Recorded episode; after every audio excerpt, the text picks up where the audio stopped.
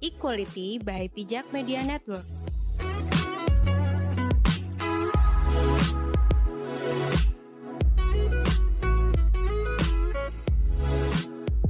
Halo, selamat pagi, siang, dan malam. Kembali lagi bersama Dinda Safira di Equality Podcast. Nah, di episode ke-26 kali ini, aku pengen ngobrol-ngobrol tuh sama seorang teman aku yang kebetulan juga podcaster. Nanti dia bisa memperkenalkan diri ya. Untuk temanya sebenarnya tuh nggak ada tema spesifik kayak gimana-gimana, tapi sesuai dengan namanya yaitu galau bermanfaat. Jadi aku tuh pengen uh, ngajakin dia galau bareng ngomongin kegalauan kita sebagai perempuan, terutama di usia uh, 25-an nih. Banyak banget kan teman-teman yang mungkin juga punya kegalauan di umur 25 sama kayak kita. Mungkin boleh kenalan dulu Halo teman-teman semua. Halo Flo. Tapi aku manggil Dinda Safira ini adalah Flo karena dulu kita sempat satu kantor dan kenalannya pakai Flo ya. Iya. Dinda Safira tuh cuma buat nama podcast aja. Oh. Malah dibocorin. Oke deh, uh, halo, namaku Arintia, aku podcaster di Galau Bermanfaat. Jadi Galau Bermanfaat itu salah satu channel podcast yang ngomongin soal um, kegalauan-kegalauan ala anak muda gitulah, gitu deh. Sesuai namanya ya. nah, sebelum kita bergaloria nih Mbak Arin, uh, gimana nih kabarnya sampai hari ini? Apalagi di pandemi yang kayaknya aku pesimis sih akan membaik dalam waktu dekat. Uh -uh.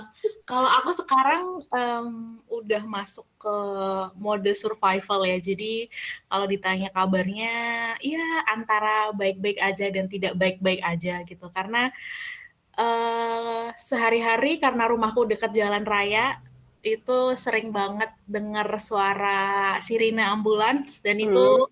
sangat apa ya kayak uh, berdampak banget lah di aku gitu. Jadi ya kadang moodnya suka turun, kadang juga suka uh, bisa dihandle jadinya bisa happy lagi gitu. Kalau Flo gimana kabarnya? Kalau aku sebenarnya sama sih, tapi kayaknya sekarang lebih banyak bodoh amat gitu loh. Hmm. Terutama buat uh, omongan-omongan yang menurutku tuh nggak penting Ya, aku sekarang sih berusaha untuk nanyain kabar teman-teman, uh, ya at least tuh kayak gimana ya, uh, sekarang tuh kayak pengen tahu aja kabar orang-orang bahkan yang udah bertahun-tahun nggak pernah ngobrol, itu juga kadang aku tanyain via story. Hmm. Iya sih, benar-benar. Nah, uh, Mbak Arin kan ya kita sama-sama tahu lah ya kita kan uh, di usia 25-an ya. 25 plus plus plus sih kalau aku. Oke. Okay. Nah, uh, sebenarnya apa sih uh, yang dirimu rasakan terutama mungkin dari awal kamu tahu udah umur 25 apakah ada tuntutan kah atau masih ada hal yang ganjel nih buat kamu sampai saat ini? Kalau aku tuh uh, sukanya ini kalau masih kepikiran kalau aku kadang tuh merasa uh, sesekali tuh membandingkan diriku sama uh, keadaan teman-teman yang kulihat dari sosial media gitu loh. Uh, aku sadar sih itu tuh sebenarnya nggak baik gitu dan sebenarnya bisa diatasi juga. Tapi kalau misalnya lagi tiba-tiba nyekrol terus ketemu sama akunnya temanku yang udah lama gak ketemu terus dia kok wah dia udah jadi ini dia udah kerja di sini gitu kadang suka uh, merasa gimana ya merasa tertinggal gitulah nah itu sih yang uh, saat ini aku rasain di umur 25 plus plus plus ini gitu. Mm -hmm. Membandingkan nih, eh dulu kan ini temanku sekelas waktu kuliah ya, dulu kita ke mana-mana bareng, tapi sekarang dia kelihatannya di sosial media tuh kayak dia udah wow melesat jauh gitu. Tapi kan kita nggak tahu ya gimana uh, kehidupan sebenarnya dari temanku ini gitu sih. Oke hmm, oke. Okay, okay. Kayaknya kalau bandingin uh, diri kita sama orang lain tuh nggak cuma Mbak Arin aja ya, setauku kayaknya yeah. banyak temanku sih yeah, yang kayak gitu. Tapi uh, personally aku tuh nggak tahu ya, aku tuh antara membandingkan diri atau enggak karena aku tipe orang yang cuek gitu loh. Jadi aku Mmm. show what I can show, what I apa maksudnya, aku tuh show apa pun yang aku suka ya Mbak Arin tahu sendirilah is isi. Instastory-ku tuh kayak gimana. Tapi di samping itu tuh aku nggak merasa kayak iri, eee, dengan teman-teman. Nah, makanya aku tuh pengen nanya nih sama teman-teman yang kebetulan, eee, tiba-tiba insecure gitu lihat. Perubahan orang lain yang kelihatannya kok cakep-cakep ya gitu. Nah iya. nah, eee, ketika kamu menyadari bahwa, eee, ini tuh sikap nggak baik, eee, kamu ada kayak introspeksi yang kayak gimana sih? Kalau aku tuh biasanya kalau udah, eee, tanpa sadar nge-scroll si akunnya temenku ini terlalu dalam, terus terlalu Mhm. baper, itu biasanya aku langsung ini sih, stop main sosmed sih. Karena ya di aku itu, eee, gimana ya, maksudnya stop main sosmed itu langsung nutup, eee, Instagram, terus nggak main dulu selama selama beberapa hari gitu. Soalnya kalau tetep masih main Instagram dan masih lihat, eee, story-story-nya temenku di apa namanya, di timeline, itu tuh selalu tergoda buat, eee, buka lagi buka lagi, kepo lagi kepo lagi gitu. Jadinya aku bukannya menyembuhkan rasa iriku, bukannya menyembuhkan rasa baperku itu, tapi malah Mhm. nanti takutnya tuh menumpuk menumpuk menumpuk, terus malah akunya jadi nggak nggak ke mana-mana gitu. Akunya malah, eee, apa namanya, takutnya berjalan di satu titik aja gitu. Sementara orang lain yang aku lihat, eee, profile-nya nih, dia tuh udah semakin ke depan gitulah. Jadi salah satu yang aku lakukan adalah, ya udahlah berhenti dulu lah main medsos gitu. Mmm, jadi langsung proteksinya tuh langsung ini ya, kayak pending atau bahkan ya kita kayak apa sih istilahnya, mengisolasi diri dari sosmed gitu kali ya? Walaupun, eee, kerjaanku sehari-hari kan di media online juga. Jadi Mhm. mau nggak mau masih harus tetep, eee, apa namanya, mengakses media sosial itu sendiri, terlebih Instagram. Nah itu, eee, salah satu cara lainku adalah aku bikin, eee, akun khusus yang isinya tuh, eee, nggak ada teman-temanku gitu. Jadi itu kayak akun alternatif lah dan itu digunakan untuk, eee, keperluan kerjaan aja. Oh, berarti itu semacam second account ya atau Iya. gimana? Iya, betul betul. Nah, ini nyambung nih Mbak Arin ke soal second account. Nah, Mhm. aku melihat itu di sosmed karena kan aku suka mengamati ya, eee, beberapa Mhm. orang yang punya second account itu justru dia malah menampakkan dirinya ya sebenar-benarnya gitu loh, yang dia tampakkan di sosmed yang pertama itu kayak ya udah fake aja gitu. Nah, kamu sendiri, eee, apakah kamu melakukan hal yang sama atau sebenarnya kamu ada pandangan lain nih terkait second account? Kalau aku malah justru kebalikannya sih, Vo. Jadi aku menampakkan diriku sebenar-benarnya tuh di first account aku, kalau second Mmm, account tuh, mhm. eee, fungsinya buat kepo-kepoin berita aja gitu atau apa yang lagi viral di sosial media gitu sih. Tapi tuh emang kebanyakan fenomenanya justru ini ya, kebalikannya ya, bahwa di second account tuh mereka lebih banyak kayak, "Oh ya udah aku jadi diriku sendiri aja," karena nggak banyak orang di sekitarnya yang, eee, dia follow gitu kan. Jadi dia Mhm mhm. merasa, eee, mungkin jadi ruang aman kali ya buat dia mengekspresikan diri gitu. Mhm.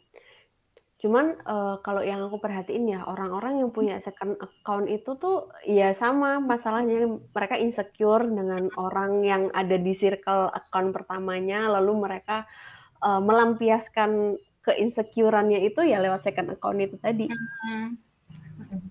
Tapi kalau aku ini sih, jarang banget nge-post tentang, eee, personalku di second account. Kenapa ya? Aku juga bingung. Atau mungkin karena kamu udah punya batasan kali ya? Iya itu kali ya, heeh. Karena emang tujuanku bikin second account itu karena ya udah buat sekadar apa ya, silent reader lah istilahnya. Mmm, oke oke. Nah, selain tadi masalah insecure, suka bandingin diri sama orang lain, kira-kira kamu ada kegalauan lain nggak sih? Kalau mungkin ya aku kasih satu case ya, eee, di usia dua puluh Mhm. lima plus plus plus ini kan, eee, ya tahulah ya, apalagi kita perempuan tuh suka ditanya di hari lebaran atau ketika kumpul keluarga, pertanyaannya tuh ya satu itulah yang paling nyebelin. Tapi, eee, aku sendiri tuh di keluarga aku ya khususnya itu tuh nggak pernah ada yang nanya pertanyaan menyebalkan itu, aku nggak mau ngomong ya iya? karena aku sebel. Sumpah, wow, aku ingin bergabung di keluargamu. Tapi yang ngeselin itu justru teman-teman atau di lu di luar keluarga aku tuh. Bahkan kayak Mmm. temen-temen ya kayak kolega atau bahkan klien sekalipun, itu tuh pernah ngomong kayak gitu ke aku kayak, Heeh. mmm, "It's not your business," batinku kan kayak gitu ya, cuman kan di depan betul. Orang kan nggak mungkin ya ngomong kayak gitu. Nah kamu sendiri mengalami hal ini nggak sih, Mbak Arin? Oh iya, aku, eee, jujur mengalami hal itu sejak umur 23 tahun. Oh seriously? Jadi itu tuh umur 23 tuh aku baru awal-awal masuk kerja pertama kali kan setelah lulus kuliah. Nah mhm. terus, eee, soalnya di keluargaku itu kayak ada, eee, gimana ya, bu budaya atau kebiasaan ya, maksudnya, eee, anak-anak perempuan di keluargaku itu tuh punya,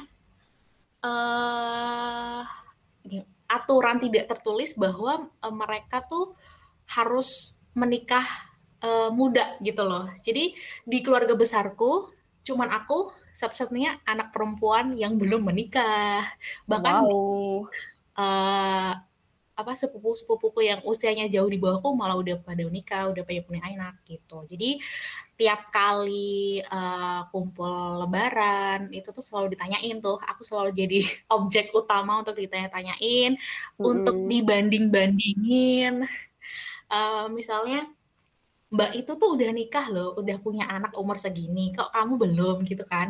Itu tuh jujur, eee, menyebalkan, tapi kan karena itu yang menanyakan tuh lebih tua, jadi harus ditahan tahan gitu. Jadi ya udahlah disenyumin aja gitu, kalau kalaupun pengen ngejawab, ya udah dijawab, eee, sambil guyon gitu istilahnya kalau aku. Nah, di pandemi ini alhamdulillahnya adalah, eee, 2 tahun belakangan nggak ada kumpul keluarga, jadi sedikit terselamatkan aku dari pertanyaan Alhamdulillah. Tetapi masih ada ada tapi tapinya. Tetapi karena di, eee, 2 tahun ini tuh aku lebih banyak di rumah kan, karena kerjaannya juga work from home, jadi lebih banyak di rumah dan itu bikin, eee, intensitasku sama ibuku itu jadi lebih, eee, apa, lebih sering komunikasi gitu. Kalau dulu kan paling, eee, seminggu sekali aku pulang ke rumah karena sisanya aku ngekos dan kerja di luar kota ya istilahnya. Nah sekarang karena satu rumah sehari-hari 24 jam per 7 ketemu, itu yang lebih rungsing malahan, eee, mamaku sekarang gitu, nanyain, eee, "Kapan nih kapan nih?" Gitu. Karena udah umurnya udah, eee, bisa dibilang udah 25 plus-plus itu tadi ya, dan kalau di budayanya keluargaku sih enggak, eee, tidak pada umumnya gitulah. Jadi ya itu, aku bahkan sampai di tahap nih sekarang udah dikenalin ke, eee, anak teman-temannya mamaku gitu. Jadi kayak, "Oh my God aku dipromosikan." Itu sih yang aku kayak, aduh rada risih sih.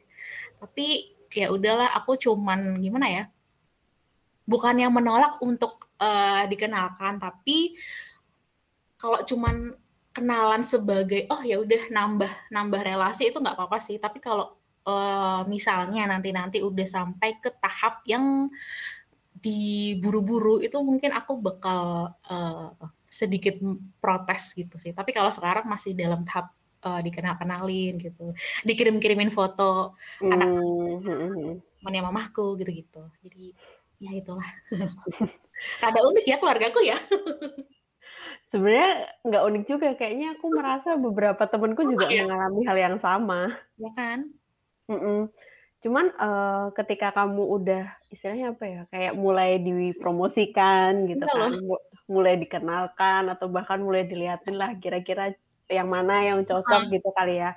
Kamu sendiri, eee, ada ini nggak sih, Mbak, kayak perasaan, "Kenapa ya aku belum nikah?" Terus tiba-tiba kamu galau, "Kok aku belum punya jodoh?" Atau gimana?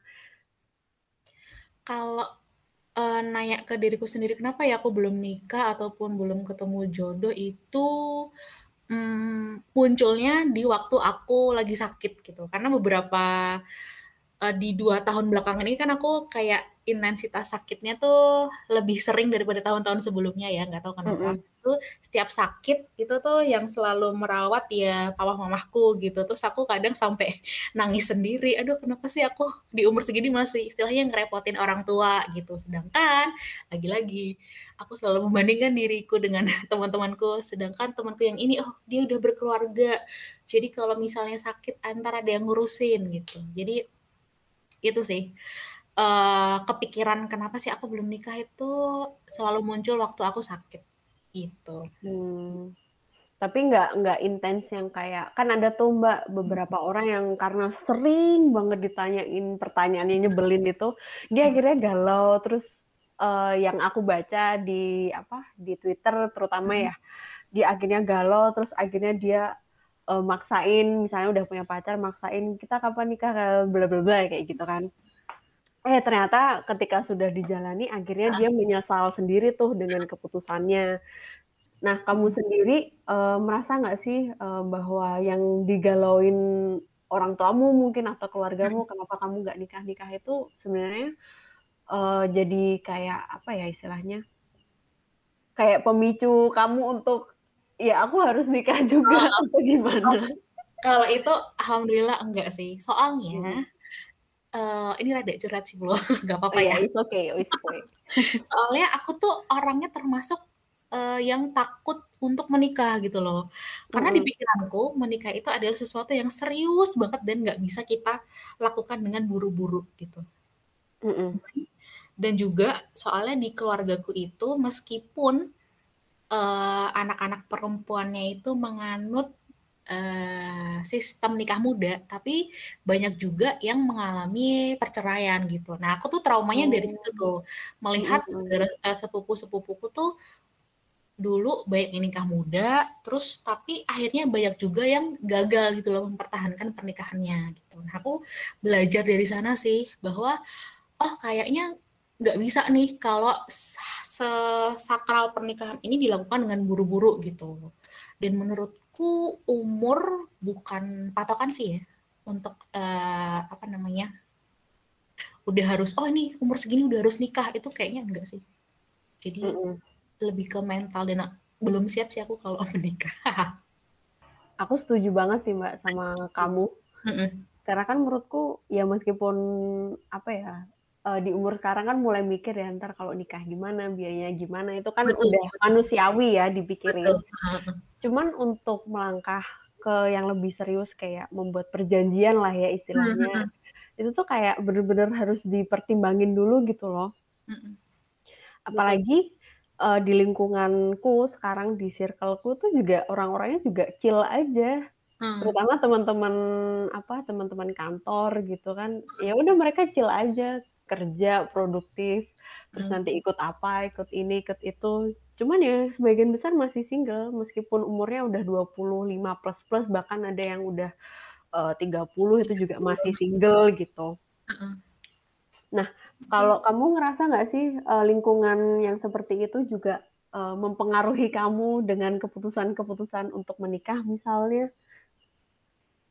Uh, sih, Flo, aku juga menyadari bahwa uh, lingkungan kerjaku yang sebelum ini sama yang sekarang itu juga orangnya kebanyakan yang chill gitu ya.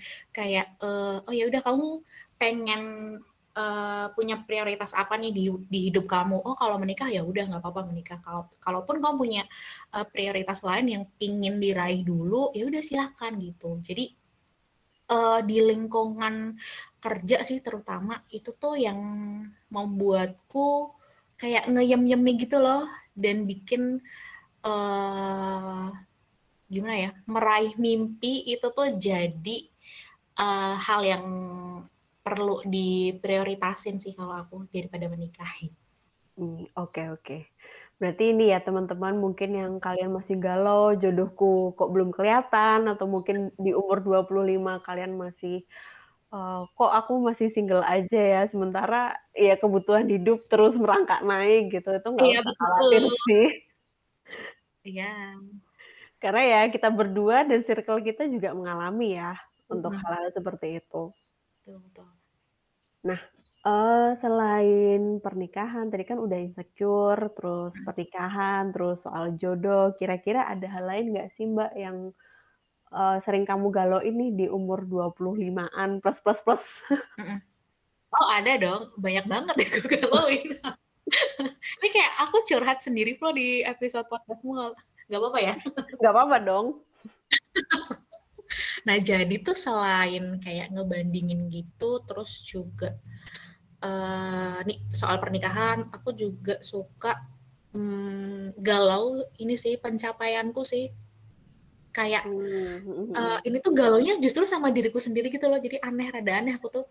Kayak uh, tiap tahun kan aku suka ngeset goal gitu ya. Nah kal kalau misalnya pencapaianku di tahun itu tuh enggak enggak banyak yang miss gitu aku suka galau sendiri gitu. Dan ujung-ujungnya aku tuh kayak mempertanyakan diriku gitu loh. Uh, misalnya, uh, aku di umur segini harus udah punya penghasilan segini gitu, tapi pada kenyataannya di umur segini kok, aduh masih jauh dari ekspektasi ya gitu. Jadinya aku suka, uh, mempertanyakan, kamu tuh sebenarnya kemarin-kemarin tuh udah ngelakuin apa aja sih gitu. Jangan-jangan uh, di tahun kemarin kamu tuh kurang usahanya ya atau jangan-jangan kamu tuh kurang uh, produktif ya dalam bekerja jadinya kamu belum bisa mencapai goal yang uh, kamu mau gitu. Itu sih. Jadi aku suka galau tentang uh, pencapaianku. Rada aneh gak sih galau sama diri sendiri di masa lalu? Enggak sih, karena aku juga uh, akhir-akhir ini mulai mempertanyakan itu sih. Kenapa ya kalau misalnya di pandemi ini kan aku juga di rumah aja alhamdulillah. Mm Terus kadang kalau pas waktu slow itu ya mulai ya biasalah orang-orang kalau slow kan mulai mikir yang aneh-aneh ya. Overthinking, uh, halo. ya itu uh, soal pencapaian segala macam. Nah ngomong-ngomong soal pencapaian ini aku jadi inget uh, sebuah konten yang pernah viral itu sampai dibicarain uh, kayaknya hampir seminggu atau dua minggu gitu ya tentang uh, umur 25 tuh harus punya uh, uang 100 juta, harus Aduh. punya KPR, harus ya segala macam itulah yang yang apa yang sebenarnya nggak bisa disamaratakan ya. Hmm. Itu nah, kamu sih? Kalau iya. Gitu? Mm -mm, mm -mm. Mm -mm. Kamu ada pendapat nggak mbak tentang uh, standar hidup yang diterapkan oleh nggak tahu siapa yang menerapkan itu? Kalau aku sih uh, menurutku itu tuh toxic ya meskipun si pembuat pernyataan itu tuh punya tujuan mulia pengen uh, menyemangati biar teman-teman tuh uh, apa pada semangat atau pada produktif mm -hmm. dalam bekerja sehingga bisa mencapai oh du umur 25 tuh udah punya uh, tabungan sekian, udah punya rumah, udah punya ini, udah punya itu gitu. Tapi kalau menurutku malah itu tuh toxic dan termasuk uh, toxic positivity sih karena uh, nggak nggak gimana ya nggak adil aja gitu loh menyamakan uh, umur 25 antara satu orang dengan orang yang lain gitu karena kan beda-beda ya mm -hmm. kayak lingkungannya kayak gimana terus juga uh, apa namanya pendidikannya kayak gimana terus juga uh, dia tinggal di kota atau tinggal di desa itu kan juga mempengaruhi banget kayak gitu sih jadi Uh, jangan diteruskan lagi ya teman-teman. di umur 25 udah punya apa. Di umur 25 kamu tuh harusnya sudah bisa uh, menjadi dirimu sendiri, azim. Jangan mematok punya tabungan sekian, punya tabungan ini gitu. Itu kalau aku sih nganggapnya tuh kayak tone deaf ya. Karena uh, yang orang yang pertama kali ngomong itu tuh ya dia seakan-akan semua orang tuh sama gitu karena dia pakai sudut pandang ya milenial uh, kelas menengah ke atas di Jakarta pula itu kan nggak bisa disamain Betul. dengan milenial yang ada di desa-desa atau bahkan di pelosok-pelosok gitu kan udah beda banget. Bahkan sama aku aja kayaknya uh, nggak relate juga. oh iya, uh, aku pernah ini Mbak Arin pernah lihat uh, di sebuah tweet atau mungkin postingan fanbase ya aku nggak tahu ya karena itu anonim dia itu uh, apa memiliki rasa insecure terhadap kayak keberhasilan orang lain which is ya itu kita bahasanya soal privilege gitu-gitu. Nah, kamu sendiri memandang, eee, isu privilege itu seperti apa? Apakah, eee, orang-orang yang kelihatannya punya privilege itu memang nggak layak untuk mendapatkan misalnya prestasi kah, atau kerjaan yang bagus, atau kayak gimana tuh? Karena kan aku melihat ya, orang-orang yang biasanya kelihatan iri sama orang-orang berprivilege itu ya karena mereka juga sebel sama orang privilege yang kayaknya mereka tuh nggak menyadari bahwa mereka tuh privilege. Iya, aku jadi inget satu, apa ya, satu meme. Jadi dia itu, eee, ngomong bahwa jangan, apa ya, pokoknya mulai bisnis itu sus mulai bisnis dari nol itu susah, kecuali kamu punya, eee, orang tua kaya atau kamu dimodalin bapakmu gitu pokoknya. Mhm Nah itu kan juga termasuk privilege kan. Nah Mhm. menurutku menurutku sah-sah aja sih orang memanfaatkan privilege-nya itu, tapi jangan malah, eee, gimana ya, jangan malah disalahgunakan gitu loh privilege-nya. Jadi kayak, mmm, misalnya dia punya, eee, kayak ini nih kasus, eee, anaknya salah satu menteri yang dia honeymoon saat kita lagi PPKM. Nah itu kan dia Oh, mhm. lagi ke Jepang kan, dan itu kan Mhm. bisa dibilang jadi salah satu privilege gitu. Privilege yang kemudian menurutku sih disalahartika eh, disalahgunakan gitu. Sebenarnya mungkin di sisi lain nggak apa-apa kali ya, toh ya ya dia berangkat pakai pakai, eee, duit dia sendiri gitu, nggak ada yang dirugiin. Tapi kan dia, eee, punya privilege karena bapaknya itu adalah salah satu tokoh publik gitu. Jadi mungkin alangkah lebih baiknya kalau, eee, gimana ya, dia tidak menunjukkan, eee, kesenang-senangannya itu di atas, eee, istilahnya penderitaan orang lain gitulah. Karena kan ketimpangan banget ya Mhm lihatnya. mhm. Di satu sisi dia lagi seneng-seneng, tapi di sisi lain, eee, negaranya ini loh lagi, eee, PPKM, bahkan, eee, lagi mengalami krisis oksigen di beberapa waktu lalu gitu. Jadi itu kayak ketimpangan sih dan menurutku, eee, itu tadi privilege itu sebenarnya sah-sah aja, tapi jangan disalahgunakan gitulah. Dan bikin sebel juga sih kalau disalahgunakan privilege-nya. Iya ya, itu nyebelin banget sih yang Iya. postingan itu. Iya kan. At least kalau misalnya dia memang beneran ke Jepang tuh, ya punya empati dikit lah, nggak usah Heeh. di-update dulu lah. Betul It's betul okay gitu loh. Kayak, ya udahlah entar dulu gitu loh ngupload-nya, kan entar bisa ditambahin throwback time atau apa gitulah. Mhm mhm mhm. Kayak tidak punya, apa ya, rasa, apa ya, tenggang rasa gitu, heeh. Iya iya. Terus aku jadi malah keinget nih Mbak Arin soal, eee, orang-orang bisnis ya lagi-lagi. Entah kenapa, mmm, makin ke sini tuh aku mulai kayak berprasangka gitu loh sama businessman atau businesswoman gitu, ketika dia bilang, "Semua orang tuh bisa bisnis asalkan kamu mau." Iya mau tuh ada, kemauan tuh ada, tapi masalahnya, eee, bisa jadi lebih banyak soal modal gitu, nggak semua orang tuh punya modal yang gede untuk memulai bisnis, dan nggak semua orang tuh juga memiliki passion untuk harus selalu ngikutin, eee, jadi businessman atau businesswoman kayak gitu. Kan zaman sekarang tuh Mhm. orang-orang tuh kayak, eee, apa, daripada kamu jadi karyawan mending kamu jadi owner. Ya masalahnya tuh bukan bukan jadi owner-nya tuh mau apa enggak, tapi pertimbangan-pertimbangan itu tadi loh. Dan ini juga sih Vlo menurutku kalau, eee, bisnis itu juga ada faktor luck-nya sih, sementara faktor luck orang-orang kan beda ya. Ada yang mereka Mmm. start-nya sama-sama nih dari bawah, tapi nanti pas, eee, di akhir masa usahanya itu ada yang satu di udah di puncak, terus satunya Mhm lagi masih ada di, eee, struggle-nya gitu. Nah itu kan faktor luck berpengaruh banget tuh di situ, gitu.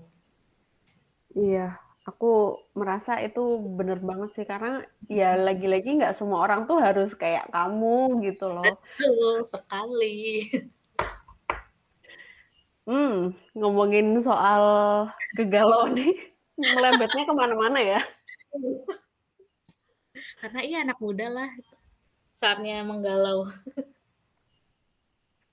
Apalagi ya soal kegalauan, ya paling banyak sih soal nikah, terus soal jodoh, terus kayak pilihan mau jadi karir atau, eee, bisnis, kayak gitu kan juga sebenarnya kegalauan umur 25 plus-plus kan. Mhm, betul betul. Nah, kamu ada ini nggak Mbak, eee, semacam kayak, eee, pengalaman yang pengen kamu sharing nih buat pendengarnya Equality Podcast, supaya kamu tuh tetap kokoh, kamu tuh tetap kuat menghadapi kegalauan-kegalauanmu di usia 25-an? Heeh. Kalau ini sih aku pengen share aja. Dulu tuh di awal-awal pandemi itu aku sempet struggle banget sama yang namanya, eee, overthinking. Karena aku Mmm. tuh, eee, orangnya adalah kalau punya masalah, ya udah dipendem aja gitu, sok-sokan bisa menyelesaikan masalah itu sendiri gitu loh. Sampai, eee, udah dipendem dipendem, terus akhirnya numpuk dan, eee, waktu udah numpuk itu aku jadi merasa diriku tuh berubah gitu loh. Aku jadi senggol bacok, terus aku sensitif banget lah gitu. Dan itu berdampak ke orang-orang di sekitarku gitu. Banyak yang kena marah padahal mereka nggak ngapa-ngapain gitu, terus aku juga mood-nya jadi gloomy. Nah, mmm, ini sih yang aku pelajarin bahwa ketika ada masalah itu eee, sebisa mungkin jangan dipendam sendiri. Mhm. Karena, eee, selain kamunya yang bakal terkikis nih energinya karena terus-menerus menyimpan, eee, istilahnya energi negatif itu itu juga akan berdampak di hubunganmu sama orang lain, relasimu sama orang lain gitu. Nah, salah satu cara yang kemarin aku sempet, eee, apa namanya, sempet lakukan untuk mengatasi, eee, memendam masalah karena siti-siti overthinking, itu adalah Mhm. yang pertama aku tuh, eee, belajar menuliskan eee, perasaanku gitu loh. Jadi di pagi hari, aku tuh kayak bikin kayak grat grateful journal. Jadi aku nulis, "Oh hari kemarin aku itu ngalamin ini ini, terus perasaannya gimana? Oh kemarin aku tuh kesel banget karena misalnya, eee, target pekerjaan yang harusnya segini tapi cuman bisa, eee, diselesain segini," gitu. Terus, eee, selain itu, selain sambat lah istilahnya nulis sambat di jurnal, aku tuh juga menuliskan hal hal-hal yang bikin seneng gitu. Karena di setiap hari itu kalau kita menyadari, itu pasti ada hal-hal yang bikin kita seneng gitu. Misalnya, oh hari ini aku berhasil menemukan satu coffee shop baru yang ternyata enak banget nih kopinya gitu. Itu tuh, eee, sampai sekarang jadi suatu kebiasaan yang cukup membantu banget sih flow di aku dan mungkin, eee, teman-teman equality juga bisa, eee, mencobanya untuk mengurangi, eee, memendam masalah itu tadi, gitu. Aduh, menarik banget nih, kayaknya aku perlu coba deh. Coba deh. Ya, sebagai orang yang, eee, memang cuek ya, tapi Heeh. akhir-akhir ini kan, eee, banyak banget denger kabar duka, banyak Heeh, temen-temen nah nah. yang sedih, itu kan lagi-lagi mentalnya juga diuji nih. Itu tuh Betul kadang, betul. eee, ya bener kata kamu, mungkin sebenarnya kita tuh nggak ada masalah, tapi melihat sekeliling kita tuh kayak, eee, struggle dan, Mhm. energi negatifnya tuh juga ngikut ke kita. Menurutku juga perlu sih untuk menuliskan apa yang, eee, kita rasakan, termasuk kalau misalnya kita sebel, kita marah, kita kecewa, bahkan kita seneng gitu ya. Nah ini kayak aku kemarin Flow yang kamu tanyain itu, yang, eee, waktu kamu pertama kali WhatsApp aku itu loh, terus kan aku Mhm. tiba-tiba curcol nih eee, kayak, "Mbak Arin gimana kabarnya hari ini?" Gitu, terus aku langsung cerita bahwa, eee, di satu gangku itu eee, ada yang istilahnya meninggal dunia gitu loh pas isoman, itu kan kayak deket banget ya. Biasanya kan kita lihat di berita-berita dan ini sekarang ada berada di bener-bener di sampingku rumahnya dan itu langsung bikin aku kayak stres gitu, terus pusing dan tiba-tiba, eee, nggak semangat aja gitu. Nah, eee, kemarin aku pas lagi ada di masa down itu, aku selain bikin itu tadi, yang jurnal itu tadi, sama Mhm. bikin Instagram Reel yang, eee, tentang, eee, kematian itu loh. Nah itu tuh aku kayak bikin puisi ala-ala dan kemudian aku curhatin di sana. Itu Wow. sih.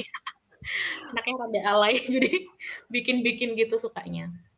Wow, berarti emang ini ya, apa pun yang kita rasain atau yang kita apa, yang kita pendem gitu ya, itu bisa Iya. banget loh dialihkan ke Betul. lebih yang positif, misalnya bikin Instagram Reel atau Heeh. mungkin nulis blog gitu. Betul Kalau betul. kalau aku pribadi tuh biasanya kalau aku lagi marah, eee, atau mungkin lagi sebel gitu, aku tuh biasanya Mhm. bikin postingan gitu di Instagram Story-ku, Mmm. meskipun sebenarnya aku tuh ngeritik orang lain, tapi sebenarnya itu tuh bentuk kekecewaanku terhadap seseorang. Oh, oke. Kayak, eee, beberapa waktu lalu tuh, eee, ada temen aku yang positif Covid dan aku, eee, kontak deket banget sama Mhm. dia, bener-bener literally deket karena duduknya Aku baca itu story-mu. Itu literally, eee, duduknya sebelahan, bahkan juga sempet copot masker ya, namanya orang lagi makan ya. Terus tiba-tiba 2 hari eh 3 hari setelah itu dia mengabarkan, eee, dia nggak enak badan, terus dia lagi antri antigen gitu kan. Terus ya, ya udah nggak papa aku nunggu dikabarin, meskipun aku tuh udah bersiap gitu loh, ini pasti bakal ada kabar buruk karena dia udah ngasih teaser nih, eee, ciri-cirinya. Waduh. Nah, itu tetep aja aku tuh nggak siap untuk, eee, menerima kabar itu. Tapi ya untungnya karena aku tahu bahwa dia udah ngabarin, terus ya aku udah tahu, langkah-langkah apa aja nih yang harus aku lakukan, salah satunya adalah ngabarin orang-orang yang kemarin kontak sama aku. Terus habis itu nenangin diri. Sempet juga sih, eee, waktu itu bingung, galau, "Aduh aku tes apa enggak ya?" Soalnya aku nggak ada gejala sama sekali, tapi daripada aku galau, ya udah malam itu juga pas mau tidur aku langsung daftar tes buat besok pagi. Iya sih, bener.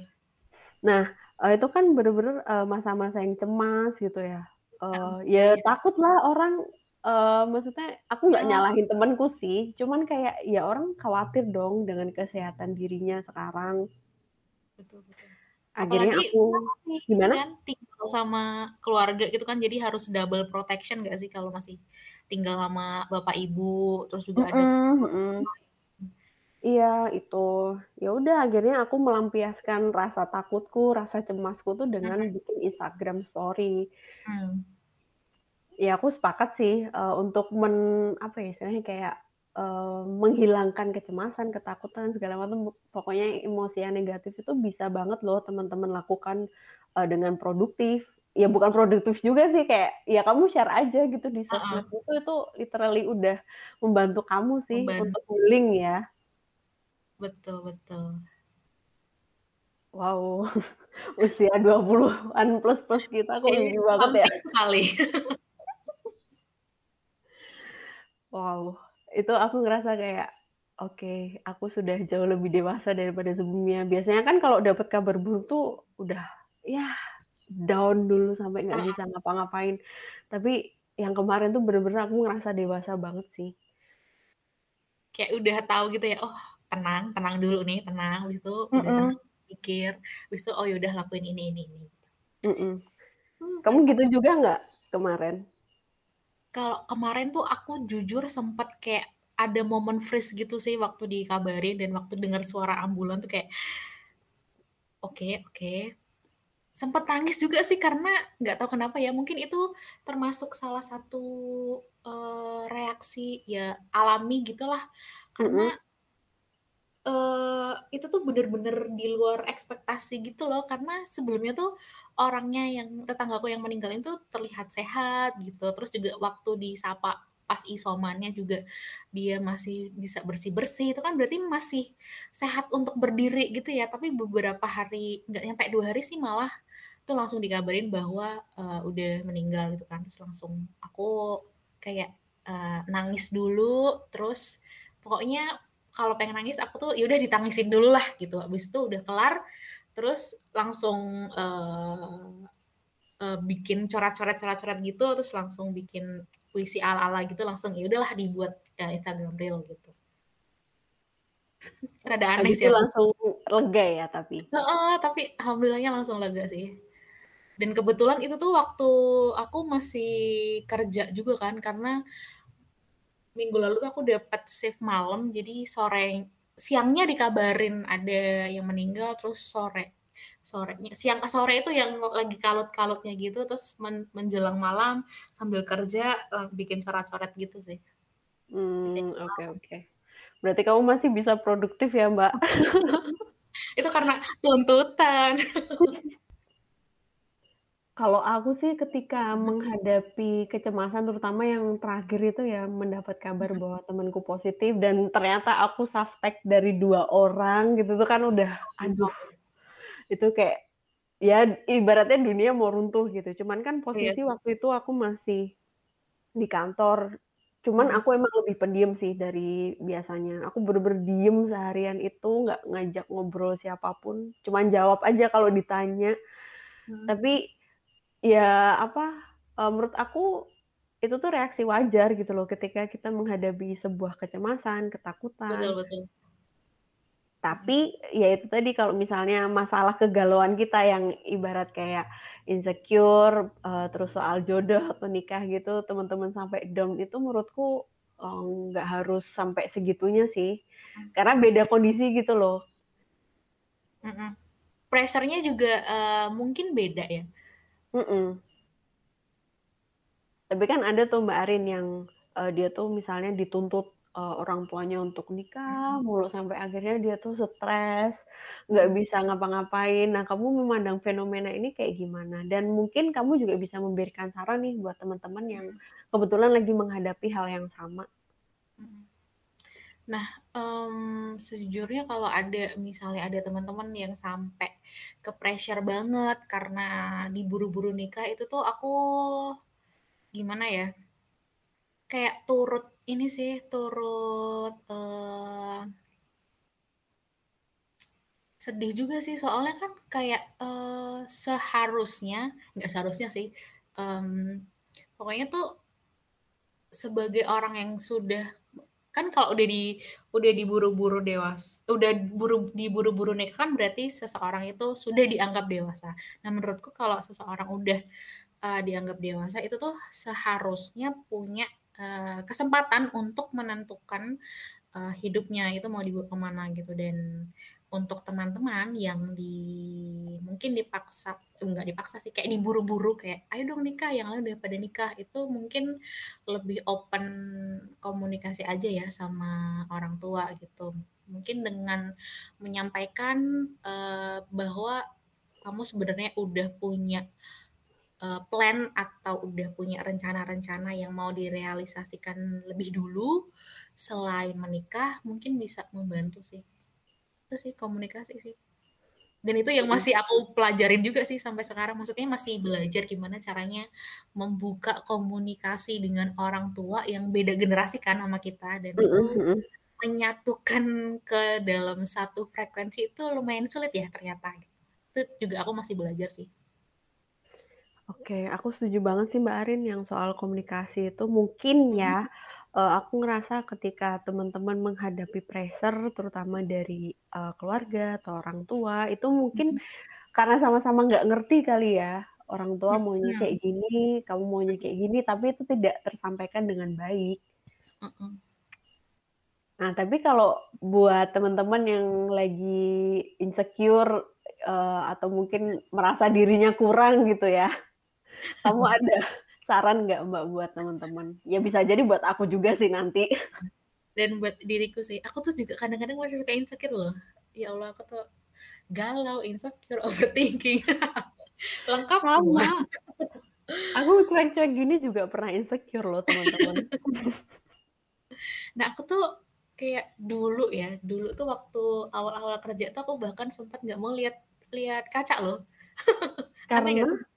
Karena uh, dulu kan aku sempat abis ditugasin kayak liputan gitu, terus berlayar selama seminggu di atas kapal tuh aku balik-balik tuh hitam banget Flo, kayak terus juga itu tuh aku sempat dapet kayak body shaming gitulah sama uh, anggota keluargaku yang lain gitu. Bukan keluarga inti ya, karena mereka kan udah tahu aku abis pulang liputan. Nah itu aku tuh kayak dibilang kamu itaman banget bu perawatan gitu-gitu kayak uh, aku tuh udah malas jelasin bahwa aku tuh abis pulang loh kerja di luar habis liputan di lapangan di laut lepas itu tujuh hari jadi tuh iteman adalah hal yang normal itu. Nah, karena itu uh, aku sempat kayak nggak nggak nggak mau lihat kaca kan. Nah, terus akhirnya aku tuh apa namanya